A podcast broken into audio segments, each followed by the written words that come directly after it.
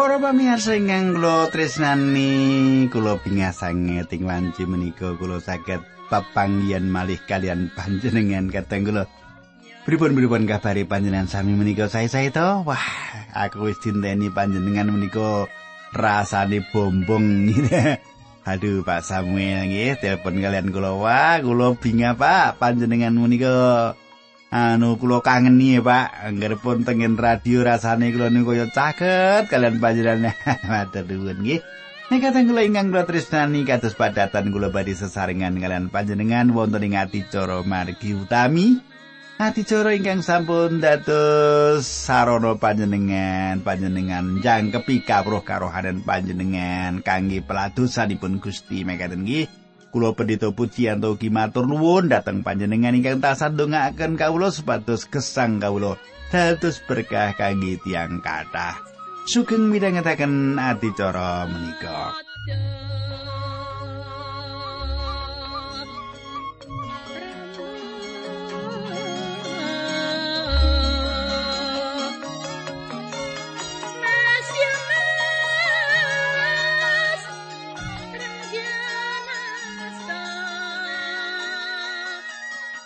Para pamirsa panjenengan tasih kemutan menapa mboten pepanggihan kepengker menika kula matur menapa Ah, nggih kesupen, Pak. Eh, piye to kare lali iki? Eh, gitu. Aja lali to. Eh, piye kok lali iki? Kula wangsuli. Ing pepanggihan kepengker kita sampun nyemak peti perjanjianipun Gusti menika dipun pindahaken dhateng kita Daud lan Dawud jejukitan wonten ngarsanipun Gusti. Makaten iki tasih kemutan panjenengan. Nah, kata ngulup kita badhe lajengaken nanging saderengipun menika kula badhe ngaturaken salam nggih. Dumateng Bapak Kristanto nggih, Bapak Kristanto menika Ciklopo. Ah, Ciklopo menika kelurahane Kedungrejo. Hah, aku wis tau rono ketok iki nggih. Akeh kelopone. Mboten nggih. Klopone ya arang-arang jenenge wae ciklopo cinu kali klopone klopo kali klopo Nek kateng kula mugi-mugi Pak Kristanto sesarengan kalian kita sami. Nek kateng kula saderengipun kula lajengaken monggo kita tumungkul kita ndedonga rumiyin. Duh Kanjeng Rama ingkang ada dampar wonten kraton ing kasuwargan kawula ngaturaken gunging panuwun menawi wekdal menika kawula saged tetunggilan kalian sedherek-sedherek kawula ingkang setya tuhu midhangetaken adicara menika. Kawula nyuwun Gusti berkahi kawula lan Gusti nuntuni kawula. Lan kawula nyuwun berkah patuko awit pepanggihan menika linambaran asmanipun Gusti Yesus Kristus kawula netunggal haleluya. Amin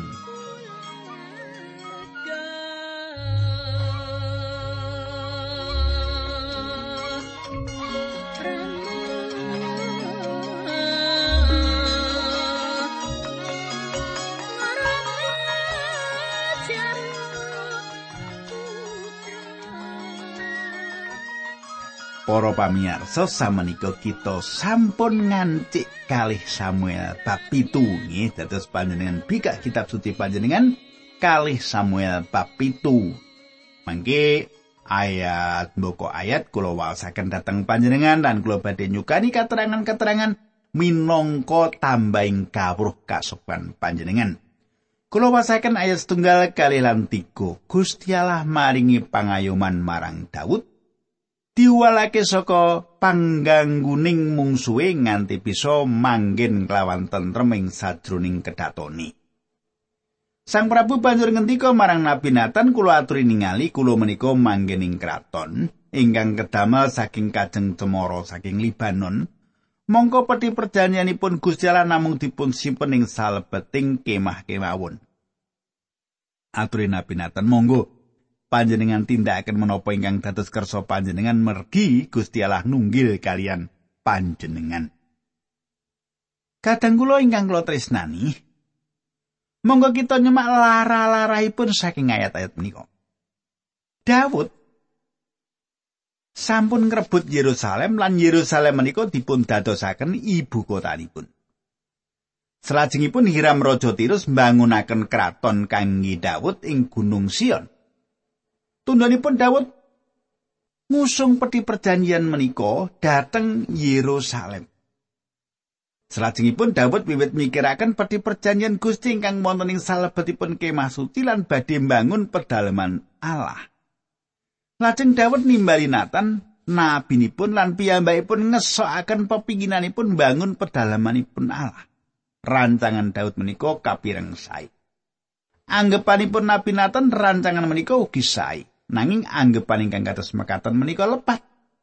Tanganipun Daud nate gupak rah Daud sampun nindakaken kalepatan ageng. Piyambakipun sampun mejahi tiyang kathah Gusti Allah ngendika siramu ora kena ngetekake pedalemane Allah. Manut kula kita nindakaken kalepatan kanthi nyebat pedalaman Allah minangka pedalamanipun Soleman. Awit Daud ingkang nglempakaken bahan-bahanipun lan damel sedaya rancanganipun. Pedalaman menika kedahipun dipun sebat pedalaman Daud. Katanya tak teruske ayat papat lima enam. Nanging ing bengine Gusti Allah ngendika marang Nabi Nathan lunga lan wartakno piwilingku iki marang Daud dudu kowe kang bakal mbangun pedalaman kagem aku. Wiwit aku ngirit bangsa Israel metu saka ing Mesir nganti seprene aku durung dedalem ing sajroning omah malah tansah ngumbara sarta dedalem ing sajroning kemah.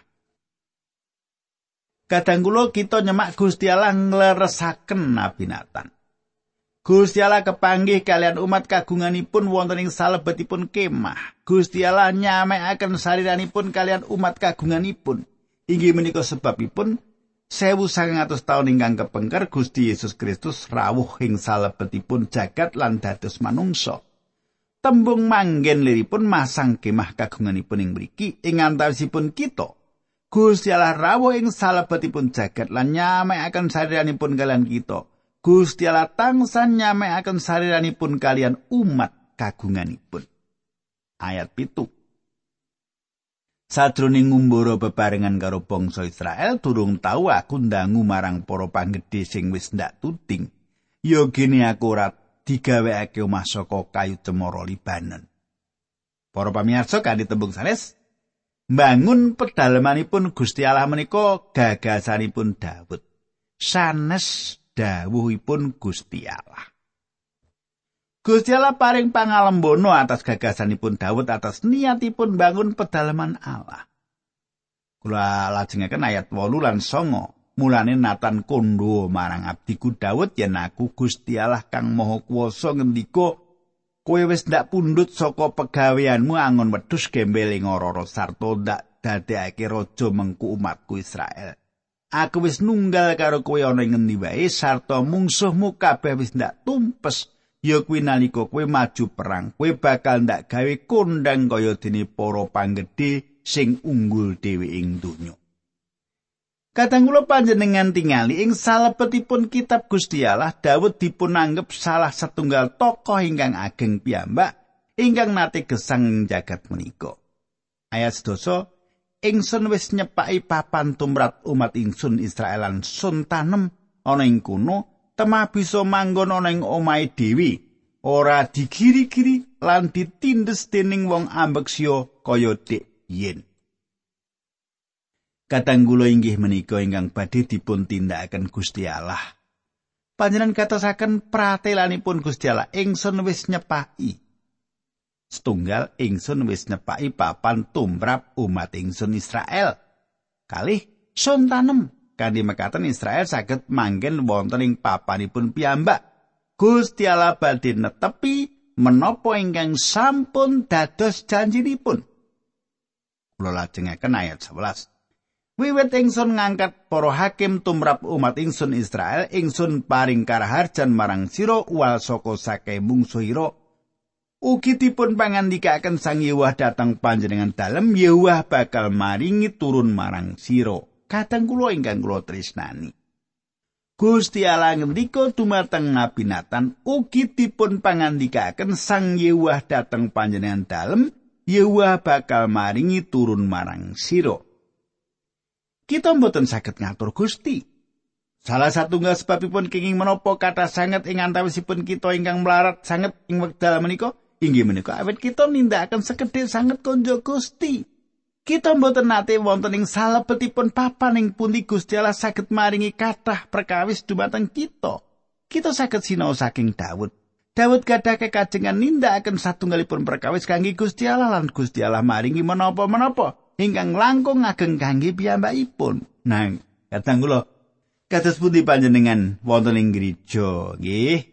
Menapa panjenengan sampun nindakaken ingkang kathah kangge Gusti Allah apa ya sak dangunipun menika panjenengan namung nglokro tengok-tengok ngrungokke khotbah bar mulih nyambut gawe balik nyang gereja ngrungokke meneh napa makaten?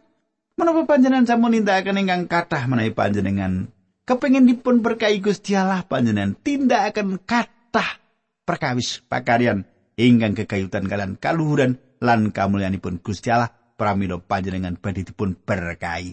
Seneng ora diberkahi? Remen, Pak. Ha iya, nyambut gawe kanggo Gusti Allah. gitu.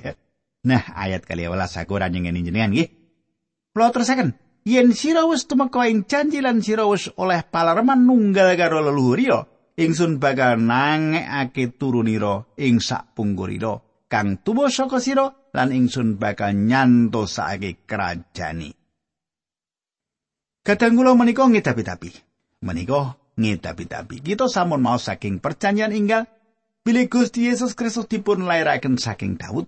Gusti Allah ngendika dumateng Daud, ingsun bakal nyawisake turunmu saka awakmu lan panjenengane bakal merintah kerajaan kuwi. Ing mriki Gusti Allah boten saweg kerebak bab Sulaiman, nanging Gusti Allah saweg ngarahaken dumateng Gusti Yesus Kristus. Kula lajengaken ayat 13. Yaiku kang bakal yasa dalem kagem asmaning sun lan ingsun bakal nyantosake damparing kerajane ing selawas-lawase. Kadang kula iyo iku kang bakal yoso dalem kagem asmaning sun. Tembung menika ngarah dumateng Soleman. Piyambakipun menika turunipun langsung saking Daud nanging kerajaan menika badhe nglangkungi jaman Soleman lan ningali dumateng mangsa tembi. Lan ingsun bakal nyantosake damparing kerajaan ing selawas-lawasi. Kadang kula tembung menika meratelaken dampar keprabonipun Daud. Gusti Yesus Kristus sing satunggalipun dinten mangke badhe lenggah ing damparipun Daud. Inggih menika pawarto ingkang dipun lantaraken malaikat Gabriel dumateng Maryam. Cobi panjenengan semak Lukas tunggal ayat 3 kali. Panjenengane bakal pinunjulan bakal kasebat putrane Allah kang maha luhur apa dene Gusti Allah bakal maringi marang panjenengane dampare Sang Prabu Daud leluhure. Ngaten nggih. Nah saiki kula lajengaken kali Samuel bab 7 ayat 14 makaten suraosipun. Ingsun bakal dadi ramane lan dheweke dadi putra ingsun. Semongso nglakoni kaluputan bakal sun hukum kelawan penjalin kang dianggo ing wong lan kalawan gebuk kang ditamakake dening anak-anake manungsa. Para pamirsa, panjenengan pirengaken mali menapa ingkang dipun pratelaken Gusti Allah, ingsun bakal, ingsun bakal kanthi cara ingkang boten saged kabandingaken Gusti Allah ngendika, ingsun bakal dadi ramani. Ewedal wungunipun Gusti Yesus Kristus ngendika dumateng Maria Magdalena. Pangandikane Gusti Yesus aja ngepok marang aku awit aku durung sowan ing ngarsane ramaku. nanging lunga nemonono para sedulurku lan padha kandhanono menawa aku arep sowan menyang ngarsane ramaku lan ramamu ing ngarsane Allahku lan Allahmu Yohanes kali dosa ayat pitulas. Gusti Allah inggih menika ramanipun Gusti Yesus Kristus awit kalengganipun wonten ing Trinitas. Gusti Allah inggih menika Rama kula lumantar kelahiran enggal. Nang sapa wae kang nampani panjenengan iku diparingi wewengan dadi para putrane Allah yaiku kang padha percaya marang asmani. Yohanes setunggal ayat kali Ing wekdal kula nampi Sang Kristus minangka juru wilujeng kula kateng kula. Panjenenganipun maringi wewengan dumateng kula dados putra panjenenganipun. Wewengan menika dipun paringaken dumateng tiang-tiang ingkang pitados ing salebeting asmanipun Gusti Allah ngendika aku bakal dadi ramani lan panjenengani bakal dadi putraku kadang kula ingkang kula tresnani Perangan pungkasan ayat 18 satunggalipun pratelo ingkang aneh sangat samongso nglakoni kaluputan. samongso nglakoni kaluputan. Uskup Horsley njarwaken ndudut manah ing ayat menika.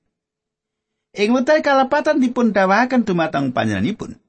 Kalepatan dipun dawahaken dumateng panjenenganipun dumateng Gusti Yesus. Aku bakal ngajar dheweke nganggo penjalin ingkang digunakake wong. Inggih menika ingkang dipun ngendikaken Gusti Allah ing wekdal semanten. Gusti Allah ngendika aku bakal dadi ramane lan panjenengani bakal dadi putraku. Bab menika kekayutan ingkang boten saged kabandingaken antawisipun Allah Sang Rama lan Allah Sang Putra nanging menawa dheweke nindakake kaluputan menika ateges wekdal kalepatan dipun dawahaken dumateng panjenenganipun. Inggih menika ing wekdal dosa panjenengan kula dipun dawahaken panjenenganipun. Kanthi bilur-biluripun kita dipun sarasaken. Gusti Yesus sedo ing kajeng salib kangge panjenengan lan kula, gitu. Panjenenganipun dipun pasrahaken awet panerak-panerak kita. Inggih menika sebabipun panjenenganipun sedo ing kajeng salib. Panjenengane piyambak wis ngrembat dosa kita ing sairane ana ing kayu salib supaya kita sawise mati pisah saka dosa padha urip tumadhang ing kayekten merga saka bilur-bilure kowe wis padha rahayu. setunggal Petrus kali hayat palikur rahayu saking dosa. Kateng kula, Nabi saya sanjang kekayutan kelan sang Kristus nanging pangeran Yehuwa kersa ngremuk tuwin damel gerai panjenengane semongso panjenengane wis masrake sairani minangka korban panebusing dosa bakal mirsani tedak turuni yuswani bakal panjang sarta karsaning Yehuwa bakal tumindak sarana astani Panjenengan saged maos Yesaya 53 ayat 12. Panjenengane ingkang badhe rawuh lumantar tedak turunipun Daud badhe ngrembat dosanipun jagat. Yesaya nglajengaken meratelaken kekayutan Gusti Yesus ing salebetipun Yesaya 53 ayat 4 ngantos 6. Tapi panjenengan semak nggih kula waosaken Yesaya 53 ayat sekawan ngantos 6. Mongko sejatine kasangsaran sing disandang mau kasangsaran kita lan piloro sing dirasakake kuwi kanggo kita nanging kita ngarani panjenengane kena walate Gusti Allah. Satemene nggone ditatoni kuwi merga saka dosa kita lan merga saka piolo kita panjenengane digebaki. Paukuman sing disandang ing sarirane kuwi sing nekakake keselamatan kita lan bilur-bilure kuwi sing marasake kita kita kabeh iki kaya wedhus sing ketriwal saben wong lagune nuruti karepe dhewe nanging paukuman sing sejati kanggo kita kuwi ditempahake dening Allah marang panjenengani. Kateng kula, panjenengan katosaken pratela lan bilur-bilure kuwi sing marasake kita dipun sarasaken saking menapa? Kita dipun sarasaken saking dosa. Dosa satunggalipun penyakit ingkang gegirisi ingkang nempo manungsa. Inggih menika sebabipun Gusti Allah ngendika, "Aku bakal dadi ramane lan panjenengane bakal dadi putraku." Menawa panjenengan nindakake kaluputan, mula aku bakal paring paukuman marang panjenengan ikan di penjalin kang digunakake wong lan kang digebuk kang diwenehake anak-anak menungso. Kula lajengaken malih sabenika ayat kang 11. Nanging aku ora bakal kendel nggonku meci dheweke ora kaya nggonku meci marang Saul kang disingkirake supaya kowe ngenteni dadi raja. Kadi tembung sana sinaosa tedak turunipun Daud nindakaken dosa awrat Gusti Allah badhe nindakaken rancanganipun Gusti Allah badhe mbeto Gusti Yesus dateng jagat. Samenika ayat 16. Kowe bakal tansah duwe turun sarta aku bakal nglestarekake kratonmu ing selawase peperintahan keluargamu bakal binerkahaning selawase kadang kula Gusti Allah perkawis menika penting awet Jabur 89 ayat 35 ngantos 38 ngendikaken makatan cobi panjenengan semangih Perjanjianku bakal ora ndak bubralan apa kang miyos saka tutukku bakal ora ndak ewai.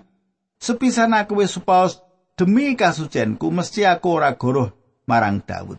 Anak turune bakal ora entek-entek lan dampare bakal ana ing ngarsaku kaya srengenge, kaya rembulan kang selawase ana dadi seksi ing langit sing setya tuhu. Kadang kula ingkang kula tresnani kaya rembulan kang selawase ana.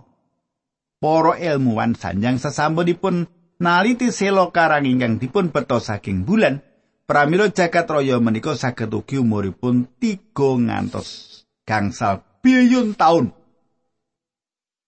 Menika satunggalipun umur ingkang saestu dangu, Gusti Allah ngendika panjenenganipun badhe ngetekaken dampar Daud kados dene panjenenganipun nitahaken bulan. Gusti Allah ngawontenaken satunggalipun perjanjian kalian Daud lan panjenenganipun boten badhe nerak perjanjian menika. Gusti Allah ora bakal nerak perjanjian menika. Kula lajengaken ayat pitulas ngantos 19 panjenengan sebab.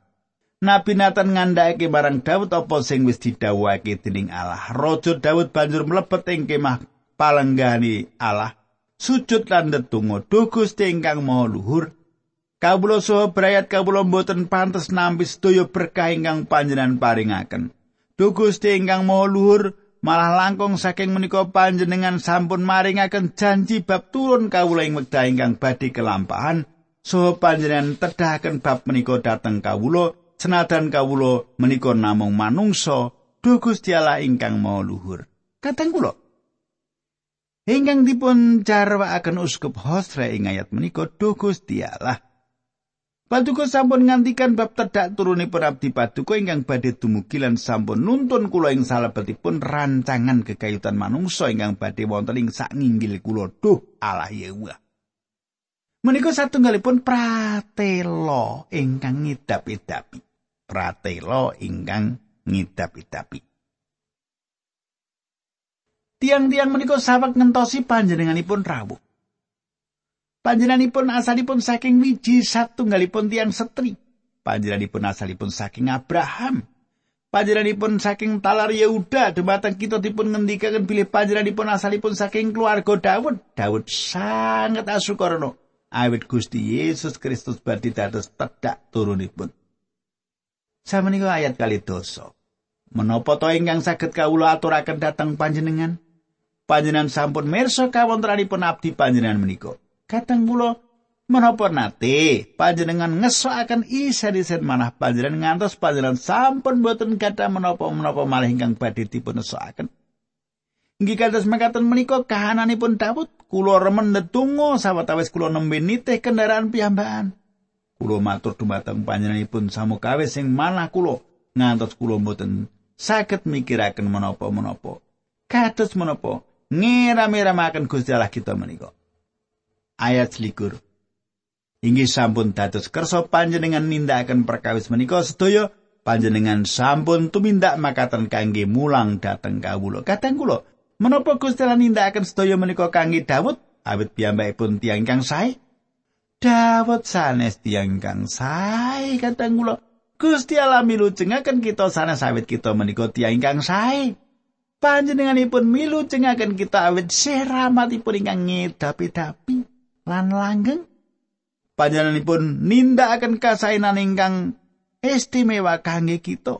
Sanes awet kasainan kita nanging awet kasainanipun panjenenganipun.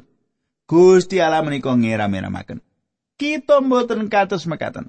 Kita ketang ngluhuraken asmanipun. Daud eram kalian menapa ingkang dipun tindakaken Gusti Allah dumateng piyambakipun Daud saged ngitung kanthi masmur-masmuripun ingkang saestu indah ayat kali likur. Panjenengan saestu agung, duh Gusti Allah, mboten wonten ingkang nyameni. So wiwit kala rumiyin kawula sami mangertos, pilih namung panjenengan piyambak ingkang jumeneng Allah. Katang kula. Menapa ayat menika ndatengaken kesainane wekdal panjenengan maos? Nggih. Menapa ayat menika ndatengaken kesainan? Saestu satunggalipun hak istimewa gadah Gusti Allah kantos makaten menika. kula lajengaken ayat selangkung. Samenika duh Gusti mugi kersa nglanggengaken janji kang sampun panjenengan ngendikaken dhateng kawula saha turun kawula. So mugi kersa nindakaken menapa ingkang sampun panjenengan ngendikaken menika. Kateng kula menapa panjenengan pirsa pilih ayat menika dados kawilujenganipun Daud. Daud sumende dumateng menapa ingkang sampun dados janji prastanipun Gusti Allah. Gusti Allah ugi sampun paring janji prasta dumateng panjenengan. Wonten ing Yohanes 3 ayat 16 meratelaken makaten.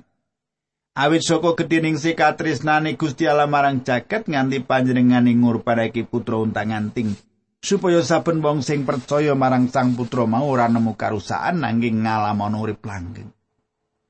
Kadang kula menapa panjenengan pitados dumateng Gusti Allah. Daud pitados dumateng Gusti Allah. Kita ugi sampun nyemak pilih Abraham pitados dumateng Gusti Allah. Musa pitados dumateng Gusti Allah. Yosua pitados dumateng Gusti Allah. Lan Gusti Allah ngersakaken panjenengan mitados panjenenganipun. Sinten to panjenengan menika? Panjenenganipun ngendika dumateng panjenengan ing wekdal menika kumandelo marang aku. Aku bakal paring kawilujengan marang kowe menawa kowe gelem ngandel marang Sang Kristus minangka juru wilujengmu. Inggih menika perjanjian kagungan panjenenganipun dumateng panjenengan lan kula katang kula. Monggo kula aturi nampi Yesus dados juru wilujeng panjenengan. Nek katang kula kita lajengaken ing dinten canaipun kita ndedonga. Dukanyo Rama ingkang ada tampar wonten keraton ing kasuwargan kawula ngaturaken gunging panuwun menawi menika kawula saged midhangetaken sabda pangandikan paduka. Kawula pasrahaken gesang kula wonten ing asta paduka linambaran asmanipun Gusti Yesus Kristus kawula ndedonga. Haleluya. Amin.